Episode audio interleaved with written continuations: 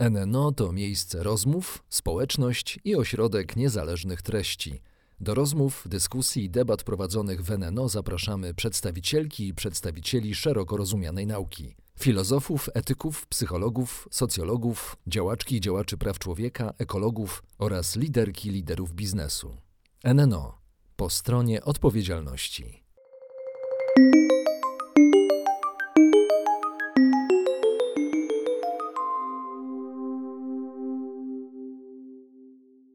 Dzień dobry, witam Państwa bardzo serdecznie. Podobnie jak witam bardzo serdecznie mojego gościa, to pani profesor Anna Białek-Jaworska z Wydziału Nauk Ekonomicznych Uniwersytetu Warszawskiego z Katedry Innowacji i Rozwoju. Bardzo się cieszę, że Panią poznaję. Dziękuję nawzajem. To co, może pogramy w grę globalne rynki finansowe? Dobrze. To właściwie mm, ruch G7 można by określić, bo mm, od tego zaczynamy nasze spotkanie, mhm. to znaczy G7, grupa najbogatszych państw świata, wykonała pewien ruch w stronę dużych korporacji finansowych. Tutaj w domyśle możemy określić je jako korporacje cyfrowe. Y, I zaczęła mówić o 15% podatku w zależności od kraju, mhm. Y, o takim realnym opodatkowaniu właśnie tych, tych firm. Jak pani oceniasz szansę na wprowadzenie tego podatku? Mm, obawiam się, że to diabeł tkwi w szczególe i tak naprawdę nawet jeżeli ustalimy te 15%, to wszystko zależy od tego, jakie mamy koszty uzyskania przychodu, więc tak naprawdę daje, daje to dalej szansę e, tym spółkom na dostosowanie się do nowych reguł gry. To po pierwsze. E, po drugie, niewątpliwie te, te państwa e, działają po to, państwa G7, żeby zyskać środki szyb, w krótkim czasie, zyskać środki na spłatę zadłużenia, które musiały zaciągnąć, żeby walczyć z pandemią. Y, I ten ruch e, wydaje się, że e, w krótkim okresie może zadziałać, zanim e, te korporacje dostosują się do nowych reguł gry, chociażby z tego powodu, że to właśnie państwom, które podpiszą i zdecydują się na to 15% CIT, będzie wolno opodatkować różnice w podatku dochodowym płaconym w różnych jurysdykcjach podatkowych u siebie, tak? Czyli tak naprawdę zapewnią sobie wyższe wpływy budżetowe budżetowe. Czyli firma, która jest zarejestrowana w Stanach Zjednoczonych, która wyprowadziła podatki na przykład na Kajmany, gdzie płaci 1%, będzie musiała w Stanach Zjednoczonych zapłacić 15 minus 1%. Tak, tak ma działać. Tak, tak, tak, to ma działać. E, jak zadziała, no to, to zobaczymy, no bo wszystko zależy od tego, jaki my wykażemy e, dochód i czy tak e, będzie to wprost widać. Ja w swoich badaniach bardziej dotykałam podatku źródła, który można powiedzieć, że byłby łatwiejszym, byłby bardziej sprawnym narzędziem do wdrożenia i z tego względu, że dotyczyłby stricte tych płatności wyprowadzonych e, do bardziej, bardziej konkurencyjnych, bardziej e, opłacalnych e, jurysdykcji podatkowych niż stricte opodatkowanie różnicy dochodu. Z tego względu, że ten dochód trzeba wykazać, tak? A jeżeli my wygenerujemy straty, co nie jest trudne, dla takich e, firm, e, to tak naprawdę e, one nie będą miały od czego zapłacić tego podatku dochodowego. Dlaczego tak się dzieje? Dlaczego jest tak, że firma może pokazać, wykazać koszty prowadzenia działalności w tak duży, w, tak, w, tak, w takim stopniu, żeby unikać opodatkowania pomimo różnych sposobów na zmuszenie firm do tego, żeby płaciły podatki? Ale to tak naprawdę skomplikowanie systemów e, podatkowych e, do tego te firmy prowadzi. E, różne państwa na świecie mają inne koszty, traktują jako koszty uzyskania przychodu. Dla niektórych koszty prezesa mogą być kosztem podatkowym, dla niektórych odsetki od długu, nawet niezapłacone, też są kosztem podatkowym, co powoduje, że łatwiej jest nam dostosować koszty naszego życia do tego, żeby wpasować się w koszty biznesu. Oczywiście to też e, jest kwestia elastyczności w kształtowaniu e, modelu biznesowego. E, no i generalnie to, że działa, to, co my chcemy osiągnąć, czyli wzrost innowacyjności gospodarki, prowadzi do wzrostu nakładów na działalność badawczo-rozwojową i tutaj nikt nie mówi o tym, że to musi się zakończyć sukcesem i zyskami w krótkim okresie. Natomiast z drugiej strony jest też tak, że jeżeli my wprowadzamy innowacje, to przez y, dłuższy okres czasu y, ponosimy tylko i wyłącznie koszty, nie ma jeszcze tych przychodów. Więc są narzędzia, które są globalnie akceptowalne i które są potrzebne, no bo prowadzą do wzrostu innowacyjności gospodarki, które od firm wymagają inwestycji, a nie, nie, nie pokazywania od razu zysków. Czy to jest sprawiedliwe, że firmy mogą sobie pozwolić na, na, na pewne mm, ruchy w, w, księgowości po to, żeby przerzucać koszty, żeby e, zastanawiać się nad tym, co jest bardziej opłacalne na, na, na rzecz samego biznesu. W sensie społecznym, też poniekąd sensie środowiskowym, bo, e, bo przecież korzystają z, z, tego taniego zasobu, jakim jest środowisko naturalne. E, czy tak powinno być po prostu? Ale to wszystko zależy od tego, jak na to spojrzymy. Dlatego, że na przykład badania profesora Strawińskiego, również z Wydziału Nauk Ekonomicznych, wykazały, że e, w Polsce przedsiębiorstwa z kapitałem zagranicznym płacą znacznie więcej pracownikom. Więc ich z punktu ich widzenia jest bardziej opłacalne to, żeby pracować w firmie z kapitałem zagranicznym, no bo dzięki temu będą mieli wyższe wynagrodzenia, co dla e, społeczeństwa też jest dobre, no bo wzrośnie siła nabywcza e, tych osób w inny sposób niż przez 500. E, natomiast, że tak powiem, zróżnicowanie jurysdykcji e, podatkowych e, wymaga od e, firm wykorzystania ich zdolności, ich kapitału intelektualnego również do tego, żeby dostosować się i jak najwięcej na tym skorzystać. Tym bardziej, że dzięki temu, że mogą zapłacić niższe podatki, to też stosują niższe ceny, i wynagradzają bardziej godziwie swoich pracowników, inwestują w szkolenia, czyli też rozwijają kapitał ludzki. To y, zawsze są dwie strony medalu. Tak? To, że niższe opodatkowanie przyciąga y, inwestycje bezpośrednie zagraniczne, pozwala jednocześnie oprócz tych inwestycji, oczywiście, których kosztem jest transfer zysków za granicę, także przyciągnąć know-how, przyciągnąć nową kulturę organizacyjną, nowe modele biznesowe i to nie do końca można ocenić jako negatywne. Czy ten ruch G7, wracając do początku naszej rozmowy, to jest ruch e, e, dobry, to znaczy w takim sensie dobry, że to będzie efektywne. Wprawdzie pani w sposób naukowy już stara się nam pokazać, że to zależy, prawda? Bo jest tak, jak to, zawsze w ekonomii. Jak zawsze, tak.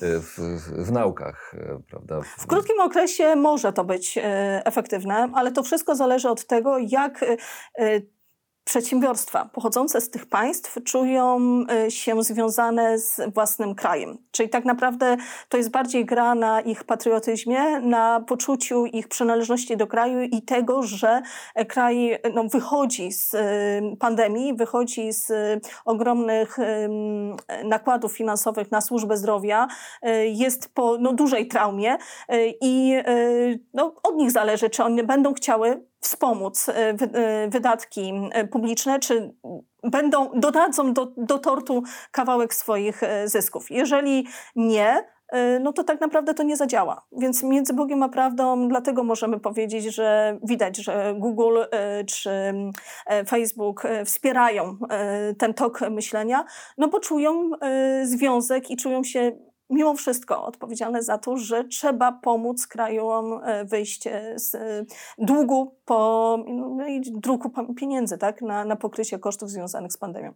Czy mówimy o tym, że Google i Facebook i inne firmy, które mają siedziby w Dolinie Krzemowej, będą wspomagać Stany Zjednoczone, czy będą wspomagać sprawiedliwie e, wszystkie kraje, w których działają? Nie, będą tak naprawdę ten, ten mechanizm pozwala zyskać wyższe wpływy budżetowe tym krajom, które je zastosują. Y, więc tak naprawdę one będą pomagać Stanom Zjednoczonym wyjść z y, deficytu budżetowego, z, y, zdobyć pieniądze na, na pokrycie kosztów, które wzrosły ze względu na, na pandemię. Co więcej, Stany Zjednoczone zapowiadają zwiększenie, podwyższenie stóp procentowych w środowisku bardzo niskich, a przez inflację nawet ujemnych stóp procentowych, mamy w tej chwili problem polegający e, na tym, że nawet nierentowne projekty są e, wybierane, dlatego że dają większy zysk niż trzymanie e, pieniędzy na rachunku bankowym. I teraz możemy sobie wyobrazić, że ten podatek w połączeniu z zachętą w postaci wyższych stóp procentowych w Stanach Zjednoczonych może zadziałać, dlatego że przyciągnie inwestycje mimo wszystko do te, tego kraju, gdzie gdzie będzie no, to bardziej opłacalne, gdzie będzie można więcej na tym zarobić. A jakie y, miejsce w tej układance może znaleźć dla siebie Polska w ramach, w ramach struktury Unii Europejskiej? To znaczy, czy my możemy zyskać na, na właśnie na mm, tym podatku cyfrowym 15% od, od gigantów cyfrowych? E, przede wszystkim w Polsce mamy duży odsetek, 88% sektora przedsiębiorstw stanowią spółki osobowe.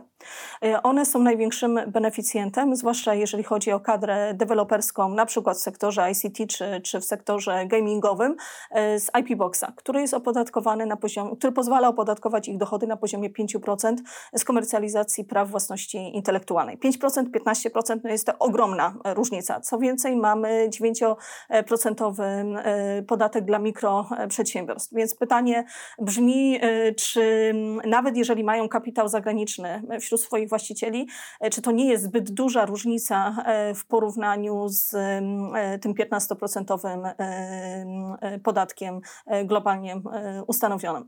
Czyli raczej bym się spodziewała tego, że to będą negatywne konsekwencje.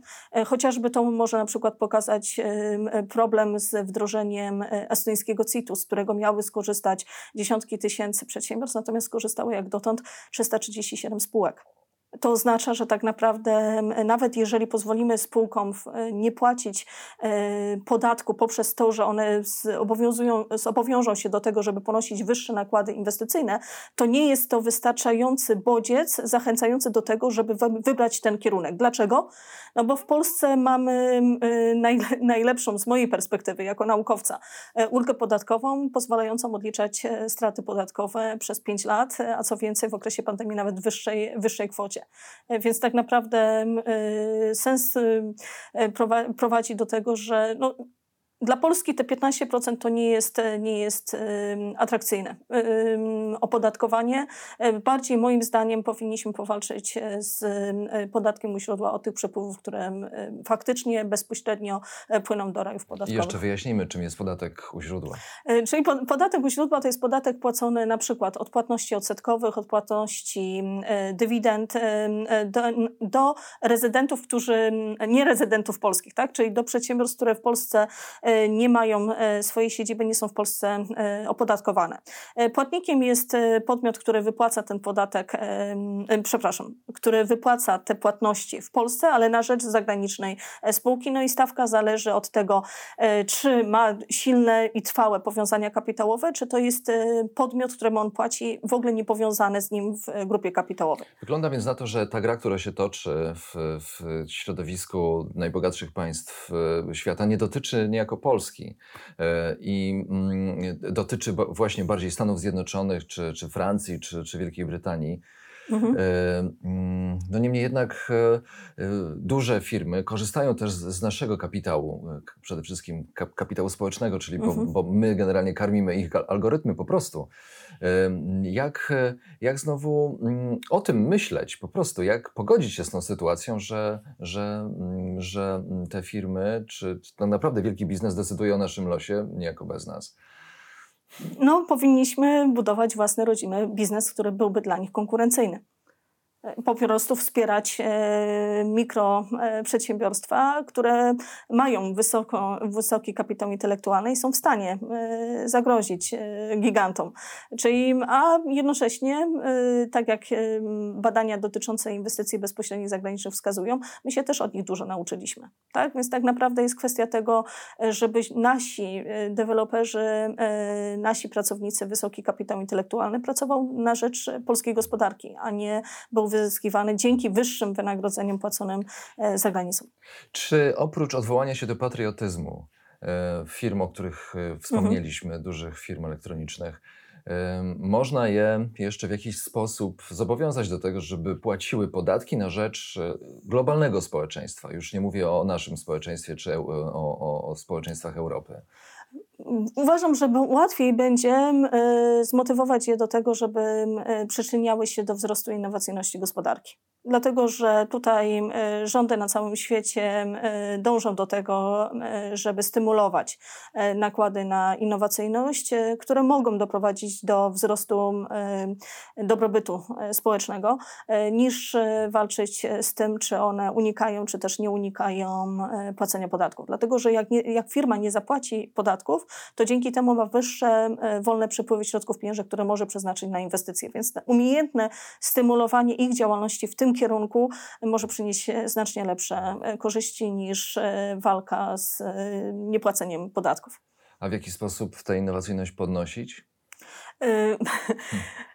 Mm, no, mm, wbrew pozorom pandemia też wymusiła, czy dała impuls do, do y, na przykład do zaangażowania wielu zespołów na całym świecie do pracy w krótkim okresie czasu nad szczepionkami. Tak? Także tak naprawdę takie możliwości przynosi życie, niestety. Y, zdalna praca, tak? Y, zdalne nauczanie i to, że musimy być bardziej elastyczni na to, że Nikt nie powiedział, że nie będzie czwartej fali, nikt nie powiedział, że to jest ostatnia pandemia, która nas spotkała. No i można powiedzieć, że y, to, to co się stało, tak, y, y, na, pobudza te firmy bardziej w kierunku innowacji niż same działania rządów i, i polityków. Jednym słowem, tylko globalne wyłączenie prądu na długi czas mogłoby doprowadzić do przetasowania tej układanki biznesowej, jaka się utworzyła na, na świecie, bo firmy w rodzaju Facebook albo Google są nietykalne. Możemy polepszać swoją sytuację, będąc bardziej innowacyjnymi. O to chodzi? Tak. Bardzo dziękuję za rozmowę. Profesor e, Anna Białek-Jaworska z Uniwersytetu Warszawskiego była naszym gościem, ale muszę Państwu się pochwalić, że Pani profesor obiecała jeszcze zostać z nami e, i na pewno się z nią spotkamy. Dziękuję. Dziękuję bardzo.